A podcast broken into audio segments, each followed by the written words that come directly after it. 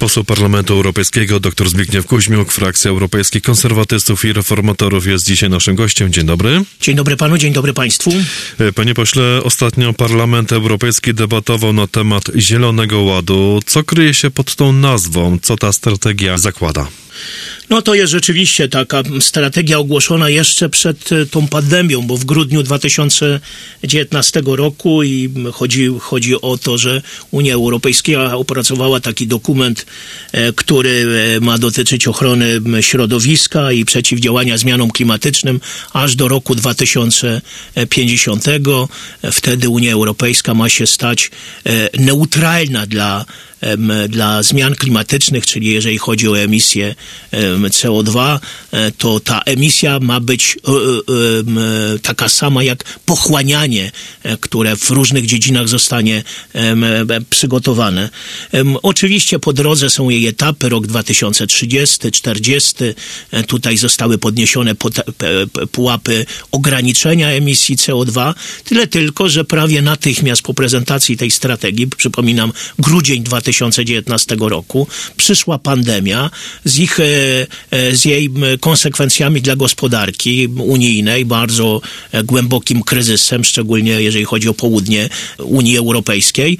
No i mówiąc szczerze, ta, ta strategia jest obarczona coraz poważniejszym znakiem zapytania. Komisja Europejska z niej się nie wycofuje, e, pokazuje kolejne e, przepisy prawne, które mają między innymi zagospodarować na ten cel pieniądze z budżetu wieloletniego na lata 2021-2027, z Funduszu Odbudowy.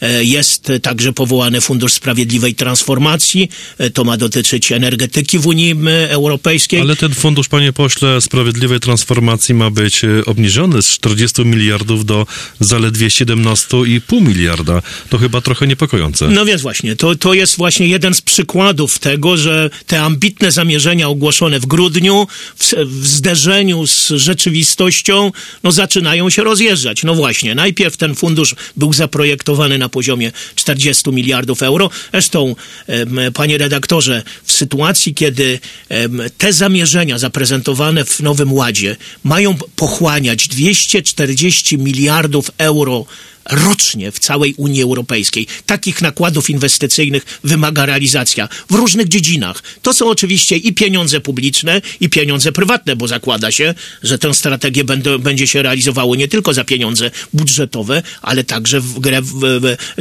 zde, zdecydują się wejść w ten obszar, choćby energii odnawialnej, inwestorzy prywatni. I to oczywiście nie jest zamierzenie jakieś hipotetyczne, bo tak jest inwestycjami w tej dziedzinie jest zainteresowany kapitał prywatny, no bo one okazują się ze względu na dotacje e, inwestycjami bardzo efektywnymi e, ekonomicznie, dającym e, szybką stopę, szy- szybką stopę zwrotu.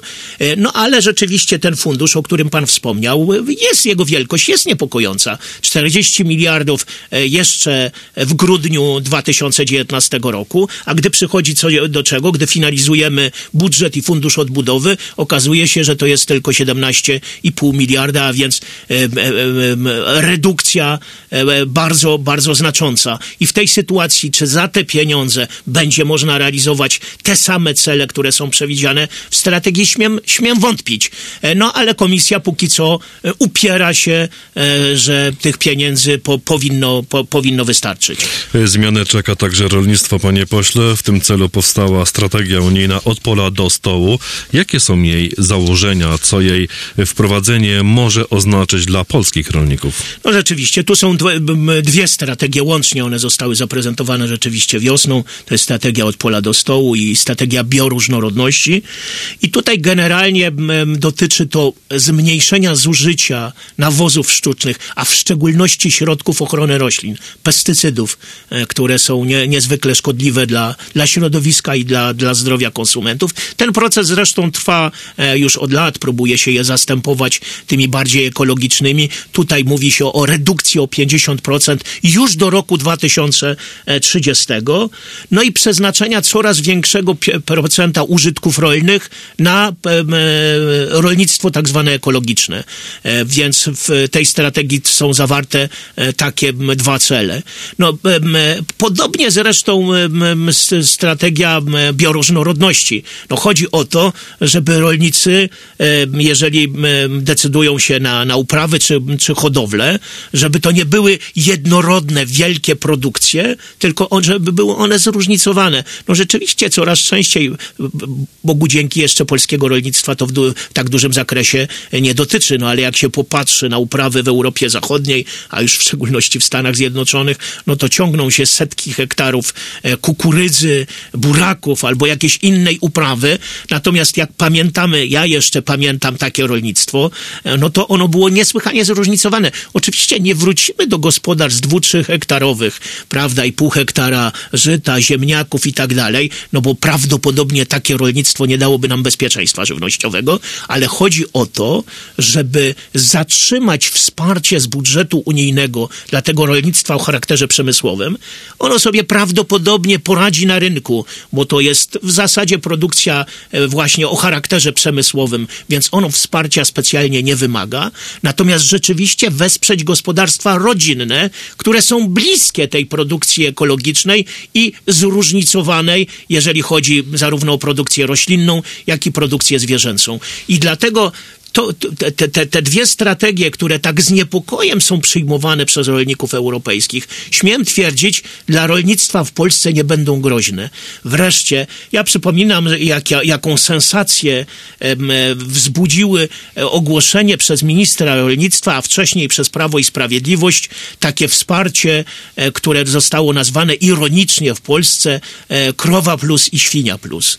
Proszę sobie wyobrazić, że do tego programu jeszcze w starych ramach finansowych, bo one ciągle trwają i, i będą obowiązywały w roku 2021, jeżeli chodzi o rolnictwo, bo tak ten mechanizm jest sporządzony. Do, te, do, te, do tych programów zgłosiło się 50 tysięcy gospodarstw w Polsce, a chodzi o poprawę dobrostanu zwierząt, wspomnianych krów i świń. Jeżeli ktoś hoduje w oparciu o, o, o własne pasze, jeżeli ma do tego także pastwiska, czyli zwierzęta wtedy, kiedy oczywiście jest ku temu sprzyjająca pogoda, przebywają właśnie w wolnym wybiegu na, na, na zielonych terenach, to ma możliwość otrzymania dopłaty.